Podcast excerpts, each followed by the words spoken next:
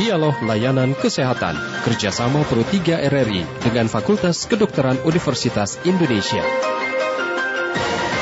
Pendengar gangguan penglihatan dan kebutaan masih merupakan masalah di dunia dan menurut estimasi penghitungan dari WHO pada program pencegahan kebutaan terdapat 285 juta orang di dunia mengalami gangguan penglihatan atau visual impairment yang terdiri dari 39 juta mengalami kebutaan atau blind dan 246 juta memiliki penglihatan yang lemah atau low vision.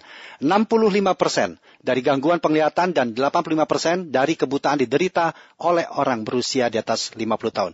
Bagaimana kondisinya di Indonesia dan bagaimana juga pencegahannya? Itulah yang akan menjadi tema kita dalam dialog layanan kesehatan COVID-19 kerjasama Fakultas Kedokteran UI dan juga RRI dengan tema kita gangguan penglihatan di Indonesia dan usaha pencegahannya bersama dengan Dr. Yeni Dwi Lestari SPMK dari Departemen Mata. Anda pun nanti juga dapat berinteraksi atau bertanya bersama dengan narasumber kami di 021 352 3172, 021 384 4545, serta 021 386 6712. Juga dapat melalui pesan WhatsApp kami di 081 399 399 888. Segera kita mulai dialog layanan kesehatan. Selamat pagi Dr. Yeni. Selamat pagi Pak. Iya, kabar baik dok ya pagi hari ini ya. Alhamdulillah sehat. Baik, gangguan penglihatan di Indonesia dan upaya atau usaha pencegahannya. Dari catatan dokter atau yang dokter ketahui, sampai dengan saat ini bagaimana dok tingkat gangguan penglihatan di Indonesia dok? Ya, jadi kalau kita ingin mengetahui uh, tingkat gangguan penglihatan dan bahkan kebutaan di Indonesia, jadi pada tahun 2014-2015 itu Kementerian Kesehatan bekerja sama dengan uh, Perdami ya, dalam hal ini Persatuan Dokter Mata Indonesia, mengadakan survei kebutaan khusus namanya re, uh, uh, RAP survei ya, Rapid Assessment of Avoidable Blindness. Uh, survei ini dilakukan pada uh, penduduk usia di atas 50 tahun. Dan kita dapatkan dan kita lakukan di 15 provinsi di seluruh Indonesia. Yeah. Nah, dari totalnya kita mendapatkan bahwa angka kebutaan pada populasi di atas 50 persen, di 50 tahun mm -hmm. itu sekitar 3 persen. Nah, hmm. kalau dibandingkan dengan negara-negara lain di dunia yang menggunakan metode ya, survei yang sama juga, yeah. Indonesia ini merupakan salah satu negara dengan angka kebutaan yang uh, cukup tinggi ya, bahkan ke, uh, masuk ke dalam tiga besar tertinggi di dunia. Tiga persen itu nah, bisa dikatakan dari seluruh populasi yang ada nih dok ya? Tidak, jadi hmm. dari populasi uh, di atas 50 tahun. Di atas 50 tahun. Iya, ya. kenapa kita uh, mengadakan uh, surveinya uh, pada populasi di atas 50 tahun? Karena ya. kita tahu bahwa 80% orang dengan gangguan penglihatan itu ada di uh, range atau di populasi uh, orang dengan usia di atas 50 tahun. Dan ya. Jadi dengan mengambil populasi ini, maka survei akan bersifat lebih cepat, lebih uh, murah dan juga tidak uh, tidak lama gitu ya. Mm-hmm. Nah, tapi kalau kita uh, apa namanya hitung ke dalam general population atau ke populasi umum, kita akan mendapatkan uh, terdapat 1,6 juta ya. orang di Indonesia itu buta. Buta, ini dok ya? Iya. Hmm. Dan buta itu um, belum termasuk dengan orang yang mengalami gangguan penglihatan. Apakah 1,6 juta itu termasuk yang di, sudah di atas 50 tahun atau memang ada data lain mengenai hal ini, Dok? Ya, di atas 50 tahun okay. ya, di atas ya. 50 tahun. Jadi uh, kita memang kalau me menggunakan uh, terminologi yang global memang kita selalu menggunakan data di atas 50 tahun. Ya. Tapi kalau misalnya kita melihat bahwa begitu besarnya uh, beban uh, kebutaan ini di pada usia 50 tahun, maka kita akan melihat beban yang sangat besar sebenarnya terhadap kebutaan. Jadi kita Baik. belum menghitung yang usia secara menyeluruh di, bawah, di bawah 50 iya, ya. Baik. Iya, iya. Baik. Kalau di atas 50 tahunnya sudah besar, kita iya. bahkan iya. sudah bisa memikirkan bahwa akan lebih besar lagi masalahnya kalau kita generalisasi. Baik, dokter izin Seperti untuk itu. kita terima dulu pendengar dok ya. Sudah ada yang bergabung iya. bersama kami yang akan berinteraksi dengan Anda. Ada Pak iya, Amiruddin di Celeduk. Selamat pagi Pak Amiruddin. Halo Pak Mirudin. Selamat pagi Pak, pagi. Selamat pagi. Baik, ada Dokter Yeni, silakan. Apa yang ingin ditanyakan? Saya mau tanya ini dok, mata saya ngelihatnya berdua, jadi dua dok. Berbayang begitu Pak ya? Iya. Baik. Jadi dua. Ya, mungkin sebelum ditutup, Dokter Yeni ada yang ingin langsung ditanyakan kepada Pak Amiruddin? Uh, mungkin uh, onsetnya ya Pak, mulai kapan seperti itu? Mendadakkah atau sudah sudah lama? Oh, udah lama Bu, udah satu tahun, satu tahun. Sudah Oh, satu sudah- tahun sudah. lebih ya Pak ya? Heeh. Ya. Sebelumnya ada eh, riwayat penyakit lainnya, misalnya stroke atau kencing manis atau darah tinggi. Udah tinggi nggak ada Bu, nggak ada, nggak ada, nggak ada, nggak ada. Baik. Baik Pak Amiruddin, jadi sudah satu tahun Bu, eh, Pak Amiruddin ya penglihatannya terganggu berbayang begitu ya Pak ya? Iya, baik, baik, Baik. betul, betul, betul, betul. Ya. Baik Pak, nanti akan dijawab Iya, dengan makasih, Dokter Yani. makasih. Baik, terima kasih Pak Amiruddin. Kita tabung Iya, dulu dok ya. Kita ke Iya, pendengar berikutnya ada Pak Samin di Ngawi, Jawa Tengah. Pak Samin, selamat pagi. Selamat pagi, Pak. Ya, Pak Samin mohon maaf volume radionya bisa dikecilkan atau dimatikan. Iya, Bapak masih bisa monitor kami kok. Ya, Sudah kecil, Pak. baik baik. Silakan Pak Samin. Ini dari Samin Ngawi, Jawa Timur, Pak. Ya, oh Jawa Timur Ngawi itu ya lupa saya. Ya, ya, ya, perbat, perbatasan Jawa Tengah. Jawa Tengah, iya. Karena teman saya dari Ngawi, jadi suka Iya, ngakunya iya. dari Jawa Tengah begitu. Ya, silakan Ya. Pak. Gini, Pak, saya ini penyakit katarak. Ya, Sudah tiga tahun setengah, tapi saya ini punya Pak. sudah apa Pak? Mohon maaf terputus tadi. Punya BPJS. Saya ini Hmm, ya, ya. karena katarak sudah tiga tahun setengah. Ya, Tapi tiap bulan aktif memeriksakan Pak kontrol. baik. Ya. Tapi sampai sekarang kok belum sembuh. Hmm. Kabur Pak kelihatan tuh. Baik, baik kalau begitu. Baik Pak Samin ya, kita tampung dulu, nanti akan dijawab. Kita terima kembali dok ya untuk pendengar berikutnya. Ada Pak Udin di Boyolali. Pak Udin selamat pagi. Selamat pagi ya, Assalamualaikum warahmatullahi wabarakatuh. Waalaikumsalam warahmatullahi wabarakatuh. Apa yang ingin Ah, ditanyakan Bapak Pak Udin? Rudi, Ya. Bapak Ibu Dokter Yani, Departemen Mata.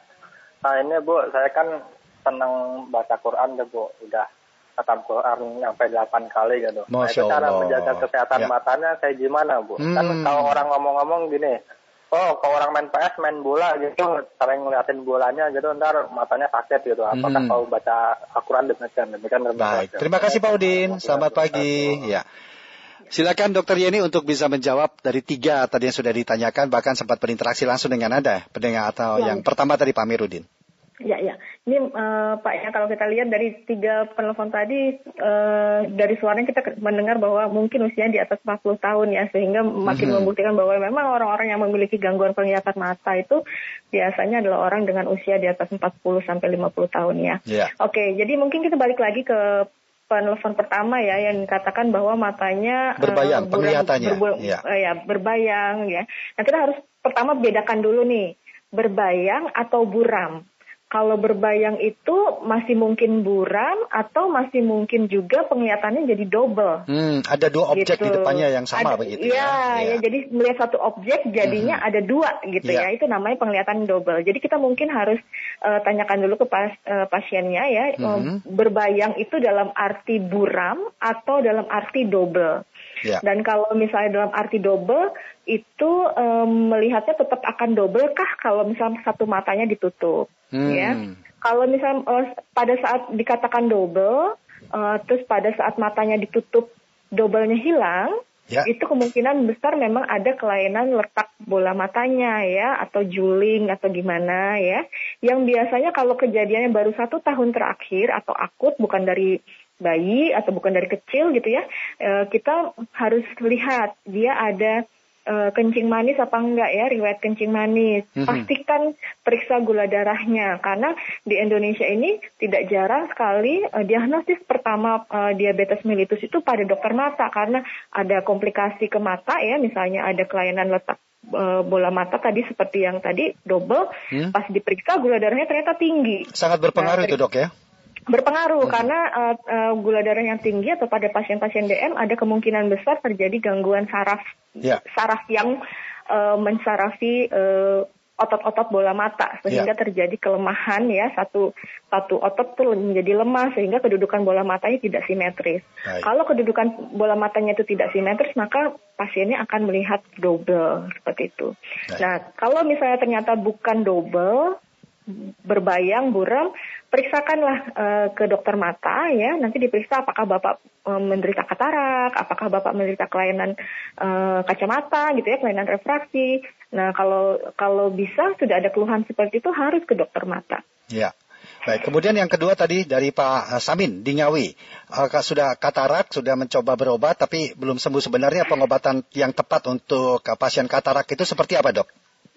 Ya, baik. Katarak itu kan uh, sebenarnya adalah kekeruhan pada lensa mata, ya, yang biasanya terjadi karena proses degenerasi, karena proses penuaan, ya. Jadi lensanya itu menjadi keruh. Biasanya kalau katarak itu katarak simple, itu pengobatannya tidak lain dan tidak bukan ya memang harus dilakukan operasi ya. gitu ya. ya tapi kalau misalnya sudah berobat tiga kali kok belum sembuh sembuh mungkin eh, apa ada hmm, pertimbangan ya misalnya uh, belum bisa dioperasi terkait misalnya ada komplikasi lainnya, misalnya tekanan bola matanya yang tinggi gitu ya, jadi harus diturunkan dulu baru bisa dioperasi. Atau kondisi sistemiknya ya, gula darahnya masih tinggi, tensi hmm. masih tinggi, sehingga dokter matanya tidak bisa melakukan tindakan. Jadi harus segera di, uh, apa, di konsulkan atau bekerja sama dengan dokter penyakit dalam atau dokter umum setempat ya. untuk yeah. uh, mengontrolkan dulu nih tekanan darahnya supaya normal dulu, gula darahnya normal dulu sehingga dokter matanya itu lebih aman untuk melakukan tindakan. Ya. Nah, dokter sebelum uh, coba, ya, uh, sebelum menjawab dari apa yang disampaikan Pak Udin tadi di Boyolali, ya. ini juga ada titipan pertanyaan dok. Ini juga ya. sering kali kita mendengar sebenarnya ada tidak dok cara cepat untuk menurunkan mata minus. Kemudian Betulkah jus wortel itu ampuh untuk mengurangi mata minus? Jus wortel kok ya ya minuman segar lah itu dok ya. Silakan dok. Iya, jadi sebenarnya mata minus ini kan sebenarnya kondisi ya kelainan refraksi pada mata ya. Kalau misalnya ditanyakan bisa secara instan nggak? Uh, mengurangi minusnya. Ya sebenarnya tidak mengurangi minusnya, tapi misalnya uh, menggunakan uh, koreksi ya. Koreksinya itu bisa kacamata, bisa lensa kontak, mm-hmm. atau tindakan operasi uh, lainnya ya, oh, yeah. refraktif namanya yeah. bisa iya. lastik yeah. ataupun ditukar lensanya gitu ya. Tapi uh, tidak menurunkan uh, minusnya instan tuh ya biasanya tindakan itu, surgery, ya, iya hmm. tindakan operasi biasanya hmm, gitu. Baik, kemudian Jadi yang, ya. yang mungkin harus di apa ya harus mulai dirubah adalah pola pola berpikirnya bahwa kalau minus itu uh, satu kondisi yang harus dihilangkan padahal ya. sebenarnya kan uh, pada saat dia dikoreksi dengan kacamata ataupun ya. dengan minus penglihatannya bisa optimal bisa baik itu sebenarnya masalahnya uh, sudah selesai ya iya iya cuman ya. menggunakan alat bantu saja kalau jus wortel iya. apakah itu juga salah satu cara dok Enggak. Enggak ya. mitos, mitos, Pak. Mitos, baik. ya, baik, ya. Dok. Ini waktu sangat singkat sekali. Mungkin dari Pak Udin ya. tadi yang sering membaca Al-Qur'an, apakah itu ya. sangat uh, uh, mempengaruhi kondisi matanya dengan seperti itu? Iya, jadi sebenarnya uh, kita memang uh, disarankan untuk mengatur uh, ini ya uh, kegiatan penglihatan jarak dekat kita, baik itu screen time, melihat komputer, melihat HP, gadget, gawai gitu ya, nama lainnya, atau uh, uh, membaca buku. Tapi jika ditanyakan apakah membaca Al-Quran yang uh, sering kali gitu ya uh, akan membuat penglihatan kita menjadi menurun, tidak juga ya. Jadi yeah. yang bisa kita lakukan adalah mengatur polanya kita kita apa kita uh, jalankan yang baik ya. Hmm. Jadi kita mengenal adanya aturan atau perilaku 20 20 20. Hmm, ya. apa itu, Dok? 20 itu 20 menit melakukan aktivitas penglihatan dekat, ya. baik itu membaca buku, membaca Quran, melihat komputer selama 20 menit kita istirahatkan hmm. mata kita selama 20 detik hmm. dengan melihat uh, apa uh, pemandangan atau melihat barang-barang sejauh 20 feet. Hmm. 20 feet itu adalah 6 meter. Yeah. Gitu. Jadi setiap kita baca udah 20 menit ya, kita istirahat istirahatkan niat yang jauh-jauh se, uh, sejarak 6 meter selama 20 detik. Setelah itu kita bisa melanjutkan yeah. Ya. uh, aktivitas kita kembali. Ritmenya harus dijaga. Mudah-mudahan yeah. hal ini cukup yeah, membantu yeah. upaya yeah. kita terutama bagi uh, mereka yang sudah di atas 50 tahun yang memang cukup rentan untuk mendapatkan gangguan penglihatan dok ya dan mudah-mudahan sosialisasi atau kampanye ini benar-benar bisa membantu untuk seluruh masyarakat Indonesia. Terima kasih ya. Dokter Yeni sudah meluangkan waktu berbincang dalam dialog layanan kesehatan kami pada pagi hari ini. Kita akan berjumpa lagi dok nanti di tema yang lain berikutnya. Terima ya. kasih dokter. Terima kasih. Selamat pagi. Selamat pagi. Demikian dialog layanan kesehatan COVID-19 bersama dengan Dr. Yeni Dwi Lestari SPMK dari Departemen Mata dengan topik kita gangguan penglihatan di Indonesia dan upaya pencegahannya. Terima kasih juga untuk Anda yang sudah berpartisipasi dalam dialog kami dan kami nanti akan berjumpa dengan tema dan juga narasumber yang berbeda. Dialog Layanan Kesehatan kerjasama Pro 3 RRI dengan Fakultas Kedokteran Universitas Indonesia. Dan pendengar sesaat lagi kami ajak Anda untuk menuju ruang gatekeeper kami untuk menyimak informasi singkat yang akan disampaikan oleh Angelika Manda.